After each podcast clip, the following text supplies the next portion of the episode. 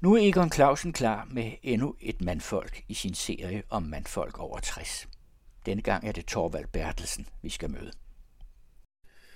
Sporløs, mens vi går ingen spor, mens vi skriver ingen skrift, på væggen, i vandet, ikke engang på nettet, slet ikke på papiret. Vi skriver os blot ud og ind af alting hele tiden, umærkeligt gennem nuets membran, der sætter sine drømmespor igen og igen. Det er Torvald Bertelsen, der læser et af sine digte. Sporløs hedder det. Og smukt, det er det. Men vel egentlig også illusionsløst. For vi skriver os ud og ind igennem nuets membran, og hvad gør vi mere? Afsætter vi andet end drømmespor? Torvald Bertelsen bor på Lolland. Han henter mig på stationen i Nykøbing Falster, og sammen kører vi til Saxkøbing. Nu kører vi ned af det, der hedder Apotekervænget. Det er hovedgaden i Saxkøbing. Og der har du brusen, og du har... Det er der, hvor man kan komme ind og parkere på alle de store... Der, vent nu om at se. Du skal vente om at se det. Gå ud af, af, af døren. Så skal du se den parkering, der hænger derhenne. Kan du se det? Ja. Det er min datter. Anne Valentina Bertelsen. Det er din og hun datter. er lige genvalgt til Folketinget. Blev valgt første gang til Folketinget i, i 2019 øh, som 24-årig. Hun er nu 28. Det er min eneste datter. Nu er vi i den gamle Mar- Maribovej i Sarskøbing. Der ligger præstegården. Der ligger det første hus, vi havde i Sarskøbing, Vestergade 8. Der bor min datter nu. Øh, og der ligger kirken. Og øh, vi stiger ud her, tror jeg. Nu er vi hjemme, hvor jeg bor nu. Vi holder i en port. Ude på gaden hænger et skilt med ordet spupsak. Og indenfor er der et lille galleri eller en salon, som Torvald gerne vil kalde det. På væggene hænger der malerier af lokale billedkunstnere, og der er et bord med bøger. I det lokale, der sætter vi os, og Torvald forklarer. Vi sidder midt i øh, Saxkøbings nu multikultisted, som jeg kalder det, Svupsak, Salon Svupsak. Og den hedder salon og ikke galleri, fordi at meningen er her at lave både arrangementer med musik, med lyd af anden art, med øh, oplæsninger, med foredrag, med billeder og levende billeder koblet sammen. Og vi sidder i det, jeg kalder udstillingsrummet, med en, i midt i en udstilling af en lokal kunstner, der hedder Stig Veje, som en af vores bedste malere, af, af Lis Twig fra Drakabygget, som er lavet af hende og hendes mand Jørgen Masch, og Jørgen Naschs bror Asger Jorn. Og så sidder vi foran øh, illustratoren til min seneste dæksamling, Sensommerremax, Paul Estings illustrationer, der jo ikke er en et til et til mine digte, ligesom min egen collager, er mere genkendelige, men er, han har en helt særlig stil, der handler om, at mens andre prøver på at få en helhed ud af en billedverden, så har han en evne til at, at samle for umiddelbart derefter eksplodere billedfragmenterne ud til alle sider igen. Og det hedder spupsak. Hvad betyder det? Svupsak betyder, at det er en gammel falstersk julespecialitet. Øh, det er en æbleskive, men man tager rigtig skiber æble, marinerer dem i kardemomme og kanel, så put, bager man dem i en æbleskive, der skal spages brødet, og så øh, stikker man tommelfingeren ned i æbleskiven og fylder den med brændevin. Det er en svupsak. Sødt, øh, stærkt, og til tider alt for meget. Og det her galleri, det er jo ret nyt. Ja, det startede jeg i øh, under øh, det, der hedder Sydhavsøernes Frugtfestival, som afholdes her i Saxkøbing, hvor der kommer en 30-40.000 mennesker igennem byen på en weekend. Det startede jeg den, jeg tror det var den 15. eller også, nej, det var den 17. september under denne frugtfestival. Med den første udstilling, og det her, det er den anden. Men i mellemtiden har vi haft tre forskellige arrangementer. Vi, da vi startede den nye udstilling her med dem jeg lige har fortalt om, og så keramikeren Line, Line Regius. Der læste Marianne Larsen op, og blev interviewet af mig. Hun er en af mine yndlingsdigter. Jeg har fulgt hende siden hun debuterede i 71. Og jeg er meget lykkelig for, at det Danske Akademi endelig er kommet til sund fornuft og har givet hende den store pris i år. Fordi hendes betydning for dansk lyrik kan sådan set ikke overvurderes, efter min mening. Hun har både været en baggrundsgruppe for opstarten af forfatterskolen og Paul Borum.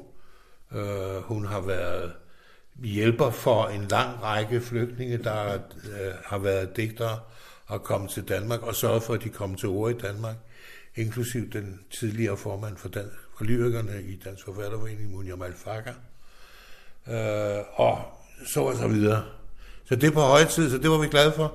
Og sidste lørdag havde vi så bogfanisering og billedfanisering på min nye digtsamling. Ligesom vi første gang også havde, da vi åbnede, havde tre lokale digtere, der læste op. Og jeg beder Torvald om at læse et af sine digte fra sådan lidt for længere siden. Det kommer her. Det her er en erindringsdigt om en ungdomskæreste, som jeg har kendt siden hun var 15. Vi blev først kærester, da hun var langt ældre og færdiguddannet som børnehavepædagog, øh, som nu er og har i hele sit liv været børnebogsforfatter, stor højt prist og priset lovet børnebogsforfatter. Øh, og det er skrevet om en erindring fra vores ungdom, hvor vi var på en fælles tur til nogle venner i et svensk sommerhus. Nærhed på års afstand. Gennem tavse tentakler i tidens brækker samler efterårets lugte sig synligt om bløde, buede lemmer i udkanten af den store fælles madras, der flyder ud i en svensk skovsø med elg og kalv udgrundeligt stigerne helt fremme, så de skygger for den fysiske erindring om vores sammenslyngede åndedrag og dine varme fødder i centrum. En stormende stillhed, der svinger sidrende bag øjnene, helt nært hele tiden i hele kroppen. Ja, vi har været unge engang, og det er vi ikke mere. Der er gået mange år. Torvald Bertelsen er født i 1948, så han er 74 år nu. Han voksede op hos sin mor, der var lærer. Faren var væk det meste af tiden. Og Torvald selv er uddannet i samfundsfag fra RUK, og han har haft en lang og noget urolig karriere som ansat i kommuner, i fagforeninger og som IT-konsulent, men altid aktiv, altid fuld af idéer, også på venstrefløjen i dansk politik. Det er ikke småting, den mand han har sat i gang. Og den slags koster.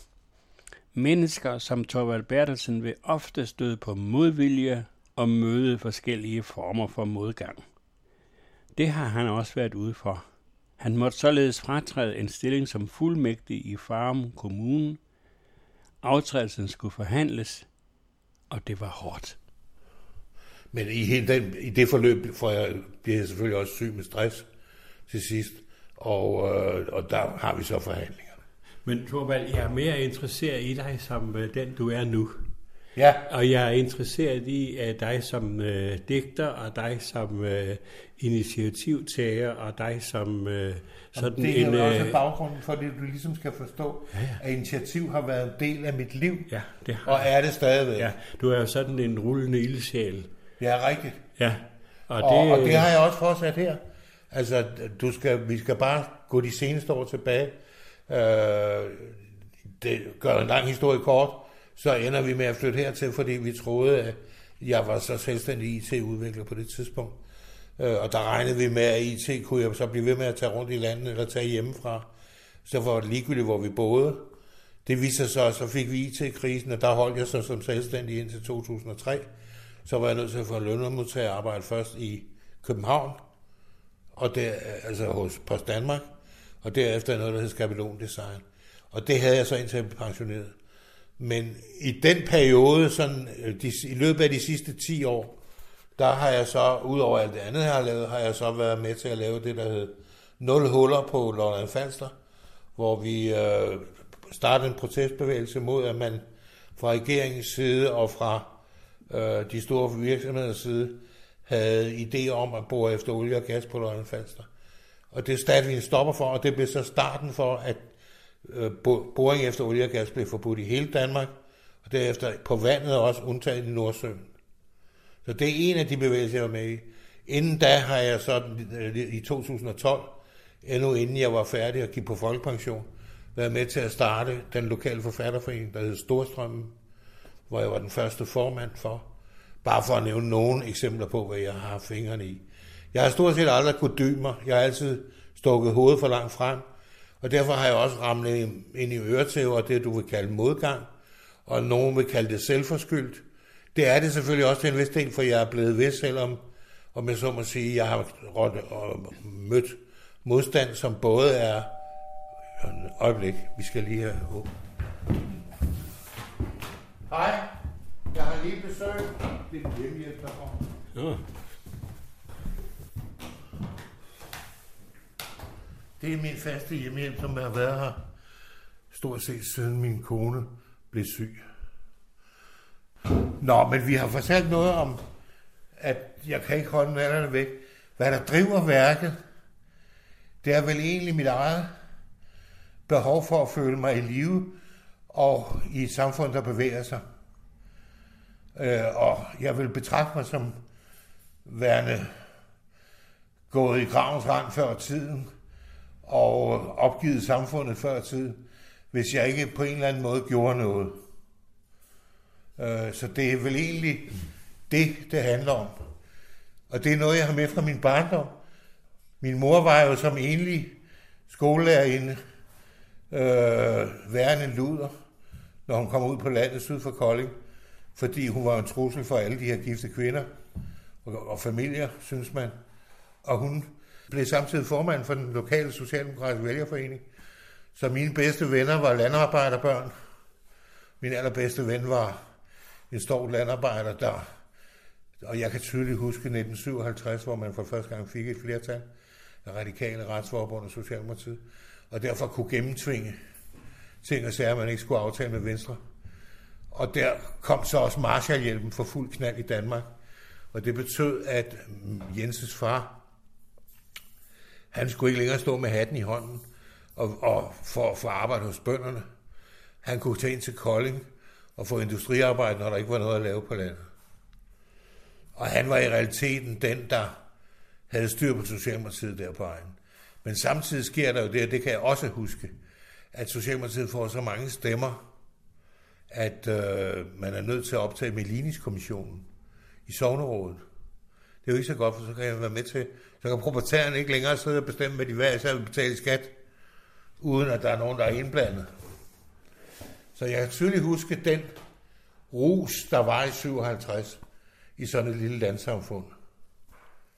Og det er nok noget af det, jeg har arvet, at, at man kan ikke være i live uden at være en del af det, man er, den sociale sammenhæng, man er, føler sig hjemme i. Hvornår er du født? 1948. Det vil sige, du er... Efterkrigsbarn. Ja, og din alder nu?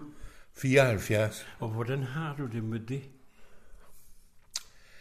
Altså, jeg må, må sige, inden min kone døde for to år og tre-fire måneder siden, nej, det er snart seks måneder siden, der har jeg ikke tænkt så meget på min alder, fordi at, at jeg kan, altså, selvfølgelig har jeg fået forskellige gevordigheder hen ad vejen, det kan jeg helbredsmæssigt, men, men øh, jeg har aldrig tænkt på alderen som noget slut. Jeg har altid tænkt, min kone var ni år yngre end mig, at vi skulle følges ad, og, og alder, det var noget, der kom senere, og hvornår vi skulle dø, og så videre. Hvad døde din kone af? Hun døde af lungekræft, fordi hun ikke kunne holde op med at ryge. Altså, hun var altid ude efter os andre, og vi skulle til læge og alt muligt andet. Men når vi var ude efter hende, så gad hun ikke gå til læge, fordi hun var meget pligtopfyldende fagforeningsmedlem og, og A-kassemedarbejder til det sidste. Og, øhm, og derfor var hun svær at lokke til læge. Så realiteten blev den opdaget for sent, og øh, der havde den allerede, den var mellem de to lunger. Øh, og det viser sig senere, at de turde ikke operere, fordi at den sad omkring hjertet også. Så du har været ude på en stor sorg? Ja. Det må jeg sige. Hvordan bærer du den? Øh, I starten var det nemmere, fordi Anne flyttede tilbage i vores gamle hus. Anne, det er din Min datter. datter, min datter, som, som mens min kone er dødssyg i 2019, bliver valgt til Folketinget første gang for SF. Og hun flytter så herned, da min kone er død, og overtager vores gamle hus, Vestergade 8. Og vi er så, så tæt, der er jo ikke så langt, du så lige, vi, det er sikkert 1.500 meter længere ned ad samme vej, ind over for kirken. Øh, og derfor kan vi støtte hinanden. Selvfølgelig er hun meget i Folketinget og alt muligt andet, men i starten kan vi støtte hinanden mere intensivt. Øh, så, så det øh, har jeg det ikke så slemt med, men, men coronaen slår så ind, og det betyder, at hun er meget påpasselig med mig, og jeg er meget påpasselig med at være sammen med andre øh, i en lang periode, plus at den genoptræning, jeg skulle have, fordi jeg, vi jo, jeg passede min kone selv lige til det sidste, og da hun ikke kunne bevæge sig ret meget, så kørte vi rundt, og jeg fik for lidt motion, og det betød, at jeg øh, skulle have lidt genoptræning for at kunne gå ordentligt, da, da jeg var færdig, og øh, det kunne jeg så ikke få på grund af coronaen. Så den blev udskudt til sidste efterår, og det gør så, at jeg stadigvæk går dårligt. Du skriver jo digte. Ja, Og, jeg og har, essays. Og essays. Jeg har læst nogle af dine digte, og jeg kan også se, at der er sådan nogle spor, sådan læser jeg dem i hvert fald. Der er nogle spor efter det der tab af din kone, men man skal lede efter dem. Og jeg tænker om dig som, sådan, øh, som digter, derfor tænker jeg dig, at du er sådan lidt af en forsvindingsfigur. Du gemmer dig et eller andet sted inde i dine tekster. Ja, fordi øh, det handler om to ting. Øh, lad mig gøre færdigt det der med konen og Ja. sorgen først. Ja. Fordi det betød meget for mig på det felt. Det, der gik over et år, før jeg kunne skrive det første digt igen, efter hun var død. Og det opstod først, da jeg blev inviteret op til et kunstnerkollektiv, der hed Den Bevægede Kuffert, som består af der bevægte kuffer. Består af kunstnere og kunsthåndværkere fra Syddanmark og Odden og så Nordtyskland. Øh, og der blev jeg inviteret op som gæst til en sommerworkshop, de har, der var en uge op på Sjællands Odde. Og der kunne jeg så komme til at skrive igen. Men indtil da, Indtil da kunne jeg ikke skrive en stavelse. du gik i et mørke, er det sådan? Nej, jeg gjorde det, at jeg sagde, at jeg vil lave et eller andet, og jeg vil bruge min kreativitet langsomt øh, igen, eller den jeg havde. Og det vil sige, at jeg kastede mig over oversættelser. Ja. Altså, du brugte travlhed som sådan et middel til at Ja, det har jeg altid gjort, når jeg har været kriser og så videre. Så har jeg til et vist punkt arbejdet mig ud af den, indtil jeg ikke kunne det mere, og var nødt til at dykke ned i den mere. Øh, Det er både en styrke og en svaghed. Jamen, når jeg møder sådan en person som dig, som har så travlt med at sætte ting og sager i sving i verden, så tænker jeg, hvad er det egentlig, han render fra? Ja. Øhm, lad mig sige det på to måder. Jeg har øh, brugt meget tid på at øh, overveje, hvor meget om jeg svigtede min kone. Øh, og det har jeg ikke skrevet så meget om. Det er jeg ikke færdig med at overveje.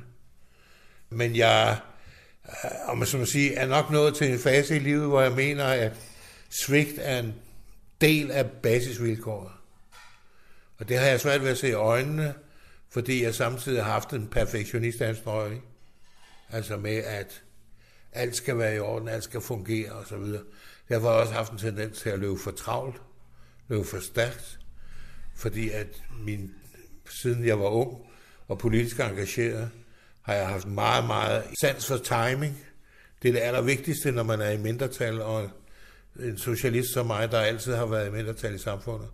At så hvis du ikke har styr på timingen, og er forud for dem, du skal overbevise eller være modstander af, øh, så har du ingen chance for at lykkes med noget som helst.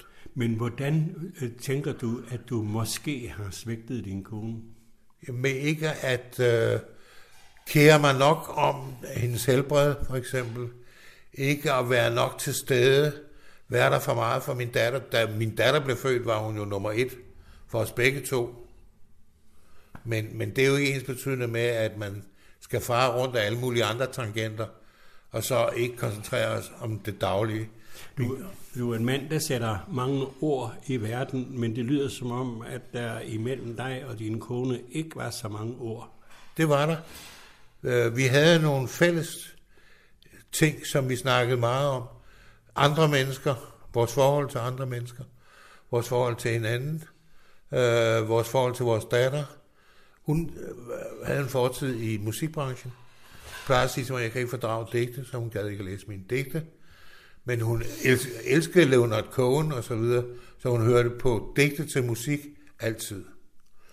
Og den anden ting, vi havde fælles, det var billeder. Hvordan savner du hende i dag? Er det sådan så, at øh, når du ligger i sengen om natten, at du så føler, der er sådan en tomhed ved siden af dig, eller hvordan? Jamen, jeg har, jeg har ikke flyttet ind i mit soveværelse igen endnu. Jeg sover på sofaen. Altså, så meget savner jeg hende. Og jeg savner al den ømhed, al den øh, menneskelige øh, kommunikation, vi havde. Øh, øh, begær og alt muligt andet, som øh, hører til mellem to mennesker, der elsker hinanden. Altså, selvfølgelig savner jeg det. Men jeg ved, at jeg ikke får det igen med hende. Og, og jeg er heller ikke parat til noget andet lige nu. Men du er også blevet sådan lidt omfangsrig. Altså, du, altså... Jamen, det er jo fordi, at når, når man ikke bevæger sig ret meget de sidste to år, hun lever, og man ikke er kommet til at bevæge sig ret meget endnu, så er der nu, der så gået fire og et halvt år, så tager man altså på. Især når man godt kan lide god mad som mig, og også kan lide porter i ny og næ, ikke? Så hvordan har du det med din krop? Ja, jeg, jeg er nået dertil nu, hvor jeg er nødt til at prioritere den meget mere, end jeg gør, hidtil har gjort. Fordi ellers så risikerer jeg, at den bliver virkelig meget mere handicappet. Jeg har handicapskilt i bilen. Jeg ved ikke, hvornår jeg skal... Altså, hvis jeg skal gå over en halv kilometer til et sted hen, så bliver jeg desperat, ikke? Og du er jo en mand, og i den her samtaleserie, som jeg fører øh, med folk i, i vores alder, der handler det om mænd. Det handler om at være mand. Ja. Og det handler også om at være en mand over 60. Og det vil sige, det handler, sådan som jeg opfatter det også, om tab af mandighed. Ja, og det har jeg på, ligesom forklaret i forbindelse med sorgen, at hele den del af mit identitet, som handler om ømhed, kærlighed, begær, sex, alting er væk. Øh, det jeg har tilbage, det er det, jeg altid har haft nysgerrighed, undren, erkendelse. Og det er ligesom forskellen i min dækning, det vil du også kunne se, det er, at hvor du sagde, at jeg kommer udenom, en ting er, at øh, mit hovedinteresse i dækfeltet har været erkendelse i øjeblikket, og det flygtige øjeblik, og hvordan digtet er som motor er i stand til at øh, øh, forvandle øjeblikket til en ny indsigt i øjeblikket, og øh, vise ud over digtet øh, og vise hen mod noget, der er vanskeligt formulerbart, og så vise tilbage læseren også, øh, som digteren jo også er. Og det er det, der har interesseret mig, og derfor er det, jeg skriver meget af de kortdigte, der hedder haiku. Den anden side af sagen, det er så at fortælle min egen historie, min egen personhistorie. Det gør jeg faktisk indimellem i nogle digte. Men jeg arbejder for eksempel på et stort episk digt, der hedder Fælde, Fællere, nej, Fælde, Fælere, Fællesskab. Og det har jeg arbejdet på i mange år, det bliver jeg ikke færdig med lige forløbig. Og det er fordi, det at skrive min kontinuerlige historie, og hvordan det hænger sammen, hvordan mit liv hele tiden bliver revideret på baggrund af, at jeg reviderer min opfattelse af min fars rolle i mit liv, hvor jeg, han har været sådan en anti-billede, anti-forbillede. At han var en svigter. Han var en svigter, ja. Øh, der har jeg måttet se i øjnene, at, at øh, min egen forsøg på at klamre mig til, til min øh, opfattelse af, hvad troskab og hvad loyalitet og sådan noget betyder, har også betydet, at jeg har undertrykt nogle mandlige, øh, øh, hvad skal man sige, impulser i mit liv. Nu, og nu, og nu skal du også i gang med, kan jeg forstå, at skrive en slags erindringer. Ja, det bliver et e-post, det bliver, jeg er ikke god til prosa. Men, men nej, det betyder heller ikke noget, fordi efter min opfattelse, så er det at skrive erindringer, det er at uh, føre et regnskab. Det er, som Ibsen siger, uh, det, det er dommedag uh, med sig selv. Altså, at digte, det er at opgøre med trolde og djævle i hjernens og hjertets ja. selv. At digte, ja. det er at holde dommedag over sig selv. Ja. Og sådan er det også at skrive erindringer. Ja. Og når jeg læser dine øvrige digte, som jeg sagde før, så synes jeg, at du forsvinder. Ja. Du, der, man får stumper, og man får sådan små øh, stykker serveret af det ene og det andet, men så er du væk. Ja. Altså, når jeg mener, at jeg svigtet min kone, for eksempel så øh, holdt vi, altså, vi har jo boet sammen i over 30 år, ja. og, og det betyder, at, at de sidste 10 år af hendes liv, der var vores seksuelle liv ikke særlig aktivt. Det var vores ømhed og vores øh, hvad skal man sige, vores afhængighed af hinanden i videreudvikling af vores egen opfattelse af omverdenen og tankegang og dagligdag, det, det var stadigvæk det samme. Men jeg svigtede hende på den måde. Jeg svigtede hende også med, synes jeg, med ikke at være opmærksom nok på øh, hendes helbred, og hvordan hun egentlig blev tilsidesat i sit arbejde og alt muligt andet. Den anden side af sagen, du oplever, når du bliver gammel, det oplevede jeg først med mine bedste venner. Derefter selv på skabelondesign. Det var, at, at så bliver man kasseret. De fleste af dem, jeg kendte, de blev prøvet at skubbe ud af deres job, inden de havde ret til at gå på folkepension. Jeg fik så lige lov til at blive ved, indtil jeg kom til folkepension. Men de gjorde der meget for, de, de der skar ned i mine timer og alt muligt andet for at slippe af med mig. Mange af, af, af vores jævnaldrende øh, går rundt med en mere eller mindre skjult bitterhed. Ja. Så den har jeg så undgået ved at rende stærkt, fordi samtidig med, at jeg ved, at jeg skal på folkepension, så starter jeg jo, altså i mange, mange år, det er en lang historie, der gør jeg ikke ret meget ud af mit forfatterskab andet til skufferne, fordi øh, jeg oplever det, da jeg er DSF-formand, at øh, der er så nogle journalister, dengang har jeg jo meget med journalister at gøre, og i fjernsyn og radio og så videre, aviserne. Og der er der så nogle journalister, der opdager, at jeg skriver digte, og så kommer der et forlag og tilbyder mig at udgive min digte, uden at have læst en skid. Og så siger jeg, nej, det er sgu da en forkert begrundelse. Altså, bare fordi jeg er kendt et eller andet sted fra, fra en helt anden historie, skal man ikke udgive min digte.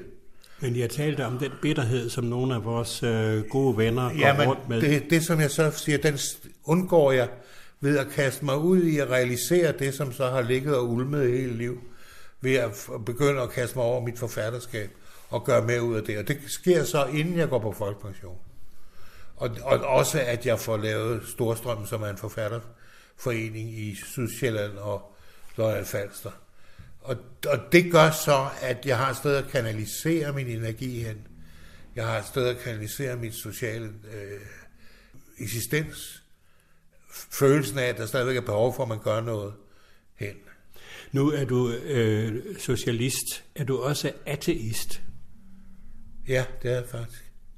Og hvad betyder det, når du nu tænker på, altså fordi der er jo, dit livsløb, det har jo været så så langt, og der er jo en port, der står åben et eller andet sted henne for enden ja. af vejen.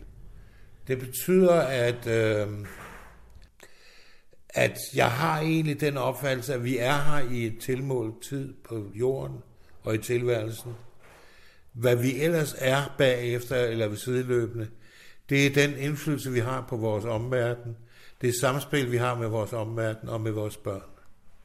Men de er ikke en permanent fortsættelse af os. Og, og, og vi kommer jo ned i mulden og bliver vendt og et af regnormene og alt muligt andet. Og så bliver vi sådan til et eller andet grobund igen, men, men det er ikke noget, jeg kan bygge på sådan rent åndeligt. Altså ikke noget, jeg sådan, sådan ser som en fortløbende kontinuitet i tilværelsen. Så den... Vi har ikke andet mening i den tilværelse, end den vi når at opleve tilføre den i samarbejde med andre i løbet af et liv. Så den skønhed og den øh, taknemmelighed og glæde over livet, som man kan finde for eksempel i nogle salmer, den er der, det er en anden verden. Nej. Jeg har stor respekt for salmedigterne. Jeg elsker Thomas Kinko. Jeg elsker øh, sådan nogen som øh, Øh, man bruger sin stup, det er ikke så meget salmer som så meget andet. Men jeg elsker også øh, B.S. Ingemann.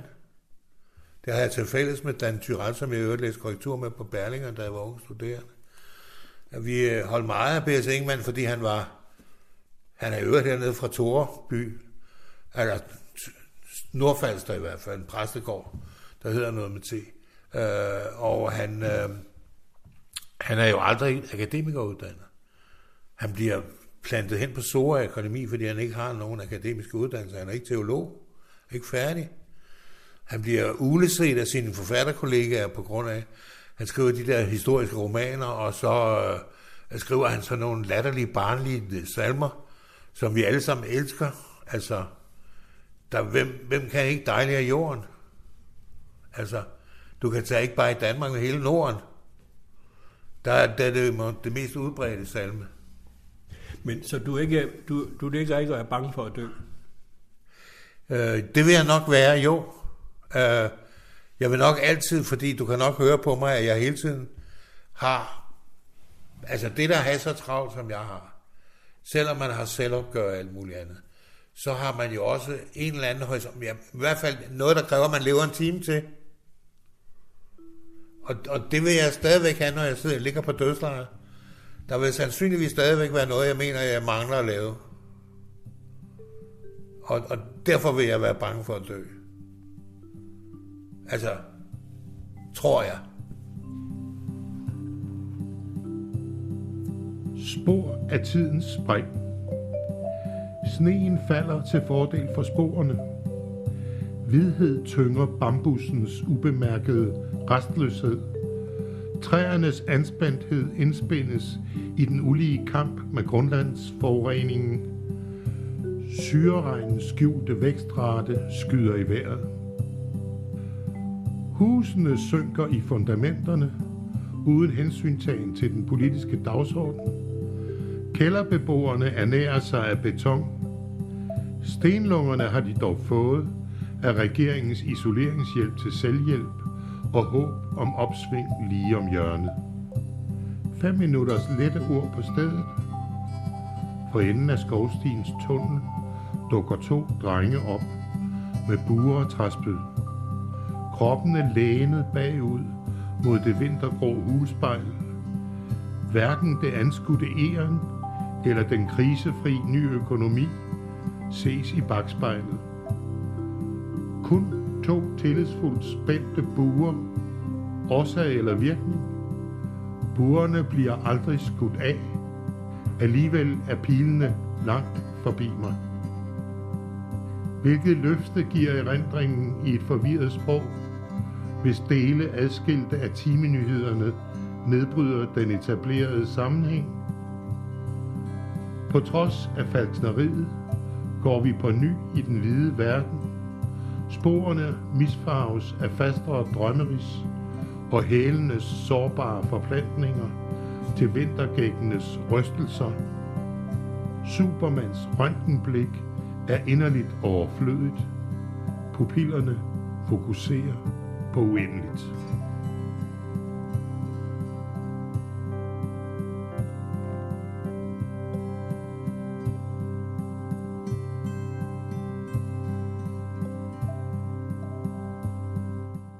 Det var Thorvald Bertelsen, der læste et af sine egne digte til akkompagnement af komponisten Ivan Nio. Og jeg skal også huske at sige tak til Veluxfonden for økonomisk støtte til de her programmer med rigtig mandfolkesnak.